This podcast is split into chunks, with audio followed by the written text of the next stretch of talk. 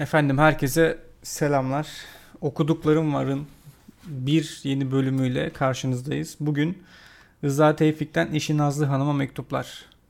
Abdullah Uçman'ın kubbe altından çıkan bu eserini inceleyeceğiz. Okumasını dün bitirdim. Kitap e, Doktor Rıza Tevfik'in Eşi Nazlı Hanım'a yazdığı 63 tane mektuptan oluşuyor. Bu mektuplardan önce yazarımız Rıza Tevfik hakkında, hayatı hakkında bilgiler veriyor bizlere. Ben de öyle bir giriş yapacağım. Rıza Tevfik kimdir, neler yapmıştır? Ee, bunları bahsedeceğim sizlere. Öncelikle e, bir muallimin oğlu, babası öğretmenmiş. Annesini çok genç yaşta kaybediyor. Ee, ki kendisinin biliyorsunuz lakabı feylesof. Bu feylesofluğu, şairliği birazcık da bu ölümle bağdaştırdım ben. Çünkü annesini onlu yaşlardayken kaybediyor ve bu durumu atlatamıyor bir türlü. Yazdığı ilk şiirlerde de bu annesizliği, ölümü, işte Allah mefhumunu, varlık, yokluk gibi felsefi konuları e, şiirlerine konu ediniyor. Kolay bir e, çocukluk geçirmiyor. Bu yüzden çocukluğunu Gelibolu'da geçiriyor ve Gelibolu benim çocukluk cennetim diye adlandırıyor kendisi. E, hatta yazdığı Uçun Kuşlar şiirinde de bu tarz bir özlemin, e, o bulunduğu yere özlemini çok net görebiliyoruz. Babası Rıza Tevfi'yi Mektebi Sultaniye yazdırıyor fakat dediğim gibi annesinin ölümünü kolay atlatamadığı için başarısız bir öğrencilik hayatı geçiriyor. İki sene okulda kalıyor ve nihayetinde okuldan atılıyor. Ee, daha sonra babasını kaybediyor. Tekrardan bir Gelibolu'ya dönüşü var. Ondan sonra işleri biraz toparlamaya başlıyor ve e, tıbbiye mektebine yazılıyor. Zaten başındaki doktorluk da oradan geliyor. Kendisi tıbbiyeli. E, fakat burada da yine istediği randımanı bir türlü alamıyor. 30 yaşında anca mezun olabiliyor okulundan. E, okurken de sonraki hayatında olduğu gibi hep böyle siyasi olaylara girip çıkıyor Rıza Tevfik. E, o noktada okuduğu kitapların çok büyük etkisi var. Fransız yazarların o özgürlüğünden, özgürlük vurgusundan çok fazla etkileniyor. Hatta bir seferinde tıbbiyedeyken oradaki öğrencilere yaptığı e, özgürlük konuşması e, not ediliyor ve kendisine bir ay ceza veriliyor. Bir ay hapis yatıyor. Öyle bir durumu var Doktor Rıza Tevfik'in.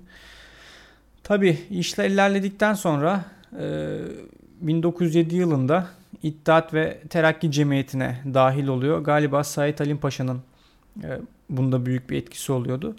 1907'de İttihatçılara katılıyor fakat e, daha sonra onlara da muhalif oluyor. Nasıl ilk başta padişaha muhalifti ondan sonra İttihatçılara da muhalif oluyor. 1908 yılında İttihatçıların karşı fırkasında seçime giriyor. Hatta öyle ki 1908 yılında çok kötü dövüyorlar Rıza Tevfi yaptığı seçim faaliyetleri yüzünden. Ee, bunu ilerleyen kısımda zaten birazcık daha deşeceğiz. Mektuplarında var çünkü o olaylar. Siyaseti bir süre sonra ara veriyor. Daha sonra işte muallimlik yapıyor Birinci Dünya Savaşı boyunca. Ondan sonra e, Sevr'e giden ekipte bulunuyor. Sevr Antlaşması'nı imzalayan ekibin içinde yer alıyor. Daha sonra 1922 yılında e, bakıyor iddiaçılar durmuyor. Anadolu'ya akın ediyor İstanbul işgal altındayken. Orada yeni bir direniş canlanıyor çünkü. O canlanan direnişinden sonucunu birazcık kestiriyor olacak ki 1922 yılında Mısır'a kaçıyor. Daha sonra zaten Atatürk 150'likler listesinde Rıza Tevfik'in de adını geçiriyor. Yani ülkeden men edilecekti zaten 1922 yılında çıkmasaydı. Bunun yanı sıra geri kalan ömründe de e, işte Mısır'da, Arap Yarımadası'nda, Ürdün'de, Lübnan'da e, gibi yerlerde çevirmenlik yaparak hayatını geçiriyor. En son 1943 yılında yurda dönüyor. E, Atatürk'ün ölümünden bir yıl sonra 150'liklerin yasağı kalkıyor. Yurda dönüş imkanları doğuyor. Fakat Rıza Tevfik 1943 yılında dönüyor. 1949 yılında da hayatını kaybediyor. Hayatı böyle çileli bir hayatı olmuş aslında bir yandan bakınca. Ya, konduğu her yer bir şekilde bozulmuş, yıkılmış. Hep yanlış tercihler yapmış. Ee, nasıl bir karakter olduğunu mektuplarından çıkarım yapmaya çalıştım. Biraz isterseniz e, kitaba doğru geçelim. Öncelikle e, daha okurken evleniyor aslında Rıza Tevfik. 3 tane de çocuğu oluyor. Fakat e, çocuklarının annesini bir hastalıktan kaybediyor. Bu kitaptaki e, adı geçen Nazlı Hanım e, Rıza Tevfik'in ikinci eşi. Ondan da iki çocukları oluyor sonrasında. Rıza Tevfik bu evli, evliliği yaptığında 35 yaşındaydı. Nazlı Hanım ise 16 yaşında. Yani aralarında baya bir fark var. Mektuplarında şunu görüyoruz. Genelde Avrupa'dan yazılmış mektuplar. Onun dışında İstanbul içinden de yazılan mektupları var. E, mektup bizim edebiyatımızda çok gelişmiş bir e, tür değil aslında. Genelde Namık Kemal ve Abdülhamit Tarhan'ın bu tarz eserleri var. E, zamanında Rıza Tevfik de günde 8-10 tane mektup yazdığını söylüyor. E tabi önceden insanların birbirlerini böyle kolay haberleşme aygıtları yok. O yüzden mektuba birazcık mecburlar.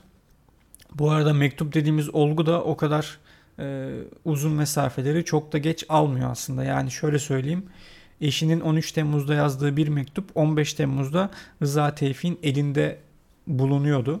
Yani 2-3 güne geliyor İstanbul'dan ta Londra'ya kadar e, gidebiliyor. Çok hızlı bir ağ aslında. Eğer tarihsel anlamda bir yanlış yapmadıysa yazar.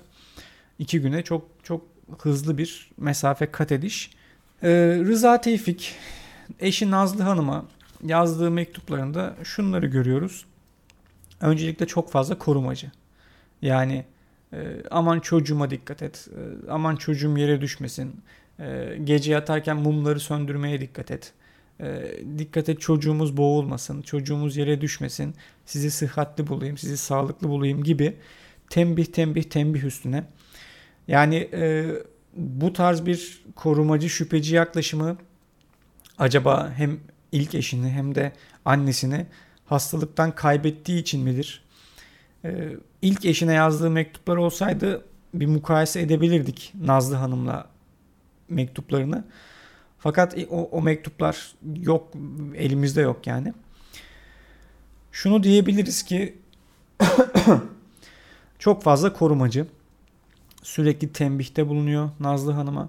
Nazlı Hanım'da da peygamber sabrı varmış ki e, bu tembihleri hiçbir sefer terslemiyor. Her seferinde dinliyor onları. Zıt bir şey yazmıyor Rıza Tevfi'ye. Ee, normalde ne olur? İşte bir mektupta dersin, ikinci mektupta dersin, üçüncü mektupta dersin ama dersin ki dördüncü mektupta yeter artık adam bırak ne yazacağıma ben karar vereyim. Bırak artık çocukları bana zaten atıyorum çekip gittin yurt dışındasın. Orada kendi işine bak, gücüne bak. Burasını ben çekip çevirebilirim yazabilir ama Nazlı Hanım öyle bir şey yapmıyor. Öyle bir tavırda bulunmuyor. İşte belki yaşı çok küçük olduğu için Rıza Tevfik sürekli bir e, kontrol etme çabasında kendisini. E, bunun dışında e, aradaki yaş farkı ilerleyen yıllarda tabi haliyle erkek göçüyor yani Rıza Tevfik daha böyle yaşlanıyor. Saçı sakalı zaten pürüpak oluyor. İşte gece geç saatlerde dışarı çıkma, işte kırlara, dağlara, bayırlara gitme e, gideceğin yerlere vakti zamanında hemen git gel tarzında e, uyarılarda bulunuyor aynı şekilde. Hafif bir kıskançlık mevzusu var.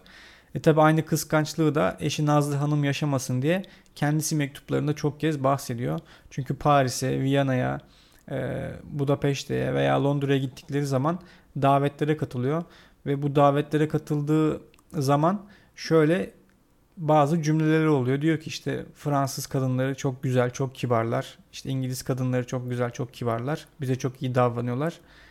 Ama diye ekliyor sonra kendisi. İşte ama senin rızan e, şey yapmıyor diyor. Asla onlara kötü bir şekilde yaklaşmıyor diyor. E, burada kendisi namusuyla tanınan bir Türk diyor. Öyle bahsediyor yani eşinin gönlünü sakinleştirmeye çalışıyor bir yandan da. Bu arada mektupların muhtevası şu şekilde. Ee, işte bugün Paris'e gittik. Paris'e şu trenle gittik. Kaldığımız otel şu şekilde. Ee, ben şu yemekleri yiyorum, şurada kalkıyorum, şu insanlarla tanıştım falan gibisinden. Çok fazla böyle derinlemesine fikir akıttığı, böyle eşiyle karşılıklı e, danıştığı bir mektuplaşma serüveni yok. Sadece ben geldim, ben gittim, sen nasılsın Ben iyiyim. Çocuklar nasıl? Çocuklar iyi tarzında bir haberleşme durumu. E, fakat bunların tabi bazılarında ister istemez duruma, o günün durumuna dair bilgiler veriyor bizlere. Mesela bir tanesinde e, çocukluğunun geçtiği Gelibolu sancağını anlatıyor. Ve diyor ki e, o zamanlar seçim var. Seçim dönemi Gelibolu'dan seçilebilip seçilemeyeceğine bakmak için gidiyor. Ve diyor ki e, Gelibolu'nun 55 bin nüfusu var. Bu 55 bin nüfusun 35 bini Rum. Geri kalanlar Türk. 20 bini Türk. Ve o, o dönemdeki e, Rum patriği e, oradaki Rum halkı örgütlüyor ve diyor ki bir Türkiye oy atmayın. E, beni çok iyi karşıladılar ama diyor asla bana oy vermezler. Buradan bana bir şey çıkmaz diyor. Yani o dönemin Gelibolu'sunun 20 bine 35 bin gibisine bir rakamla bölünmüş olması çok ilginç geldi. Bana kendisinin batı hayranlığı hat safhada 1910'lu yıllarda gittiği Paris'i, İngiltere'yi ya da işte Viyana'yı fark etmeksizin çok fazla övüyor. Oradaki özgürlüğü övüyor. Oradaki binaları övüyor. Yaşayış şeklini övüyor. Ve mutlaka eşi Nazlı Hanım'ın da oraya gelmesini, burada birlikte yaşamaları gerektiğini ona anlatıyor. Böyle sözler veriyor. Bilmiyorum bu sözleri tuttu mu tutmadım ama çünkü ömrünün sonunu bildiğiniz üzere Arap Yarımadası'nda geçirmek durumunda kalıyor. Ee, bu sözleri verirken de aynı şekilde çocuklarının da mesela İngiltere'de Cambridge'de e, eğitim almasını istiyor. Keşke burada olsalar diyor. Burada işte şu fiyata şuradan şu kadar ev tutarız. Buradaki geçim şartları İstanbul'dan pek de pahalı değil. İstanbul'daki evlerimizi satıp buraya çok rahat yerleşebiliriz gibi gibi e, düşünceleri var. E, bu nokta beni biraz aslında üzmüştü. Çünkü bir Türk aydını e, gittiği memleketlerin güzelliğinden, e, gittiği memleketlerin e, gelişmişliğinden etkilenip oraya yerleşmeye çalışıyor. Halbuki bence olması gereken davranış nedir? Dünya Savaşı'ndan çıkmış, yeni bir milli mücadele başlamış orada.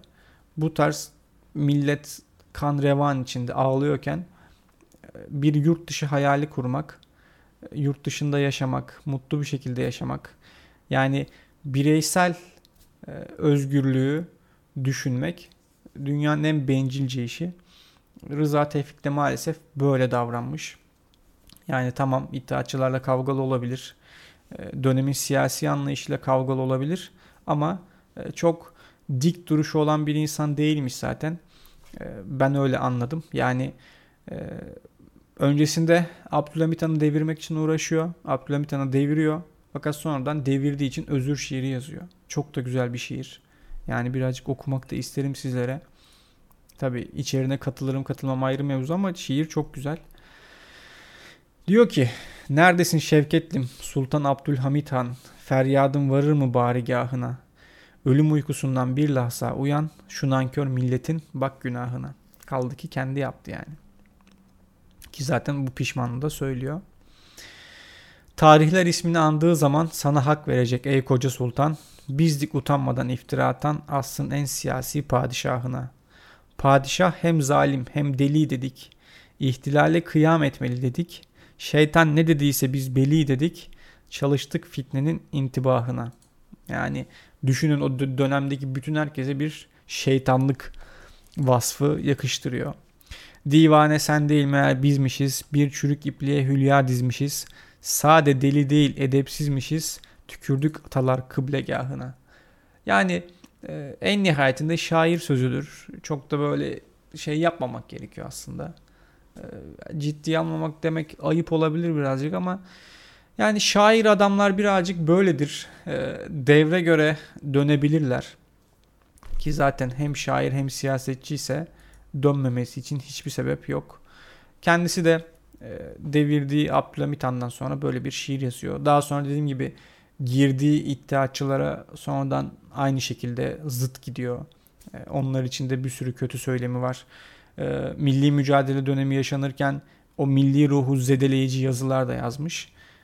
Dediğim gibi kendi hayatında batıda yaşamak isteyen, eşiyle çocuklarıyla mutlu bir hayat sürmek isteyen bir adammış. Fakat e, işte kader dediğimiz şey e, atıyor tokadını. 1922 yılında kendini Kahire limanında buluyorsun. Ondan sonra ilerleyen mektuplarında da gördüğümüz gibi çok da öyle müreffeh, zenginlik içinde bir hayat sürmüyor. Sürekli bir ekonomik hesabın döndüğü mektuplarında yazılar yazıyor. İşte şuradan şu parayı aldım, buradan bu parayı verdim, şuradan şu para gelecek, buradan bu para gidecek gibisinden. Ve bunu Arap Yarımadası'nda yapıyor. Yani e, kurduğu düşler, hayaller batıda yaşayabilmek fakat e, yaşadığı hayat onu doğuya, Arap Yarımadası'na sürüklüyor. Yani gönül isterdi ki e, onca dil bilen, e, kültürlü bir aileden gelmiş e, bir adamın milli mücadeleye destek olup vatanını İngiltere gibi yapmaya çalışması. Yani e, ama biz şunları da görüyoruz. 1920'li yıllarda Sevr'e giderken damat Ferit Paşa ile gidiyor. Ve damat Ferit Paşa ile gittiğinde Sevr'i çok kolay imzalıyorlar.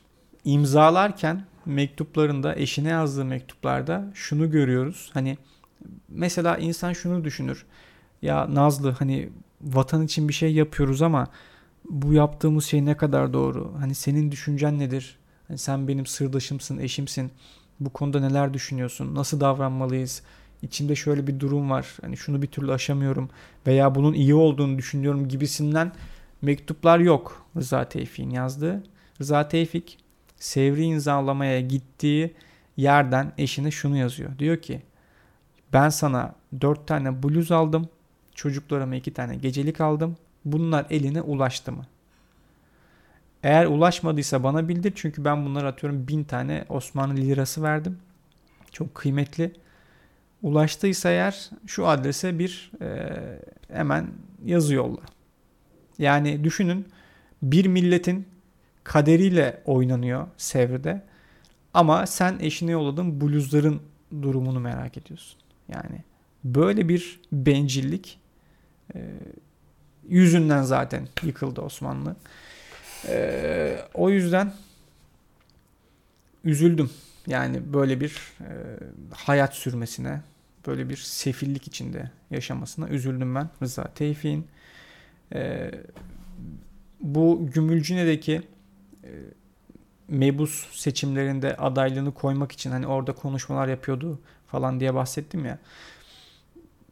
Burada e, iddiaçılar kendisini aynı şekilde jurnal geçtiği için tutuklatıyor bir yerde ve bunu e, Talat Paşa'nın yaptığını söylüyor mektubunda ve diyor ki eğer diyor bu yargılama bu tutukluluk süresi uzarsa diyor iki gün sonra işte şurada bir güvendiğimiz bir İngiliz komşumuz var. O komşuyu al İngiliz konsolosluğuna git benim durumumu onlara bildir. Onlar işte gerekli hürriyeti, gerekli adaleti sağlatacaktır diyor.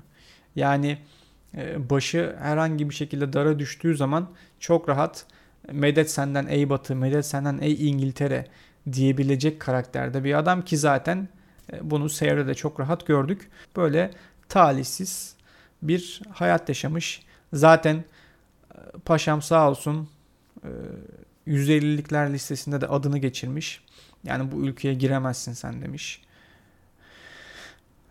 O olayın detayını çok bilmiyorum ama ne acıdır ki hemen Atatürk'ün ölümünden sonra 1939 yılında 150'liklerin hepsine geri dönün. Geri dönebilirsiniz çağrısı yapılmış. Yine gittikleri bir yerde bir Fransız vilayetinde 1921 yılında ya da 20 yılında şöyle bir bahsi geçiyor mektupta. Diyor ki biz diyor burada Paşa ile beraber, damat Ferit Paşa ile beraber günlerimiz şöyle geçiyor Nazlı diyor. İşte sabahları uyanıyoruz. İşte çok güzel bir e, kahvaltı yapıyoruz. Sonra gidiyoruz hamama. Bir güzel masaj yaptırıyoruz. Orada yıkanıyoruz. Daha sonra işte akşam için hazırlıklarımız başlıyor. İşte gidip tıraş oluyoruz. Sonra smokinlerimizi giyiyoruz. Akşam yemeğine katılıyoruz. Davetlere gidiyoruz. Zaten burada tiyatrolar doktorlara, tıbbiyelilere bedavaymış. Ee, o bedavalıktan da yararlanıyoruz. Burada oteller çok ucuz. Yani vatanın bağrına düşman süngüsü saplanırken Orada nice yiğitlerimiz ölürken Rıza Tevfik böyle bir cennet hayatı yaşıyor. Ee, öyle bir durum var kendisinin bahsettiği. Bunun dışında mektuplarında 1910'lu yıllarda bile Osmanlı ibaresini geçirmiyor. Devlet olarak Türkiye diye adlandırıyor. Yani bulunduğumuz topraklara Türkiye diyor. Ee, bunun dışında bana ilginç gelen küçük oğlu Nazife Nazo diye ismini kısaltıyor. Yani o devirde de varmış. Biz Mehmet'e Memo nasıl diyorsak o zaman da Nazife Nazo diye hitap ediyor. Ee, bunun dışında eşine şöyle bir tatlı hitabı var. Diyor ki ben geldiğim zaman seni bir güvercin gibi tombul ve afiyette bulmak isterim. Yani e, dönemin de zevk ve estetik anlayışı birazcık tombul kadınlar üzerine olduğu için Enver Paşa'nın eşi de aynı şekilde öyleydi. Hani o zamanlar o tombul bir afiyet göstergesiydi, bir sağlık göstergesiydi. Yani eşini tombul bir güvercine benzetiyor. Benzesin istiyor daha doğrusu. Ee, toparlayacak olursak şunu demek istiyorum. En nihayetinde bir kadının mektuplarını okuyorsunuz. Bir kadın yazılan mektupları okuyorsunuz. Bu çok da ahlaki bir durum değil gibi geliyor ilk başta. Ee, çünkü orada işte daha böyle şehvetli ifadeler de var işte Rıza Tevfik işte eşinin dudaklarından öpeceğim ben seni falan diye böyle geçirdiği satırlar da var. Hani bu kadarını okumak ister miyiz bilmiyorum. Ee, ya da işte bu kadarını okusak ne olur? Mektup türünün ahlakiliği üzerine de bir e, konuşma da yapmalıyız aslında. Bir düşünme düşünme de gerçekleştirmeliyiz. Ölmüşler gitmişler. Aradan yüzden fazla yıl geçmiş bu mektupların üzerinden. Artık bir nesil daha kaymış gitmiş. E, o yüzden ahlak dediğimiz şey bu 100 sene içerisinde biten bir şey midir? Bunu bir düşünmemiz, sorgulamamız gerekiyor. Ama bir yandan da böyle olayların iç yüzüne e, mercek tutabiliyoruz. Bu açıdan çok güzeller. Bir de şöyle bir durum var. Şimdi aklıma geldi. Yani bizim birbirimize olan hitabımız, WhatsApp yazışmalarımız eğer Drive'a yedeklemiyorsak eğer yarın öbür gün göçüp gidecek, hiç olacak. Yani e, bugünün iyi şairlerinden aklıma İsmet Özel geldi ama İsmet Özel'in WhatsApp mesajlarını bilmiyorum akıllı telefon kullanıyor mu ama yani İsmet Özel'in yarın öbür gün WhatsApp mesajlarını da bizden 100 yıl sonraki nesil acaba böyle merak edip okuyacak mı? O da şu an bir soru işareti. Hasılı böyle bir kitaptı. Ee, Rıza Tevfik'i daha yakından tanıyabilmek adına güzel oldu benim için. Allah rahmet eylesin hem kendisine hem Nazlı Hanım'a günahlarını affetsin demekten başka bize bir şey düşmez. Ama dediğim gibi ben olsam Rıza Tevfik gibi bir hayat yaşamazdım. En nihayetinde Sevri imzalayan adamsın. Ee, neyse olay çok da kitabın dışına çıkmasın. Efendim esenlikler diliyorum. Ee, hepiniz hoşçakalın. Güle güle. Kapattıktan sonra gördüğüm bir ufak ekleme yapmak istiyorum. Bir mektubunda şöyle bir ifadesi var. Diyor ki Sen korkma merak etme. Ben seni düşünmez miyim? Hem sen olmasan bile ben memlekete değil bir kimseye zarar verebilecek bir fenalık yapar mıyım? Ben Rıza Tevfik'im, Rıza Nur değilim. Şimdi bunu 1910'da yazıyor. Yani şimdi Rıza Nur da 150'liklerle e, beraber ülkeden gönderilenler arasında bulunuyor. E, o yıllarda ne yapmış diye araştırdım ama çok fazla bir şey bulamadım. Hani Rıza Nur'u bugün kötüleyenler, karalayanlar var. Ama o yıllarda Rıza Nur'un kötü bir şöhreti var mı yok mu? Rıza Tevfik neden ben Rıza Nur değilim herhangi bir kötülük yapmam diyor. Bunu da merak ettim. Bilen varsa yazabilir.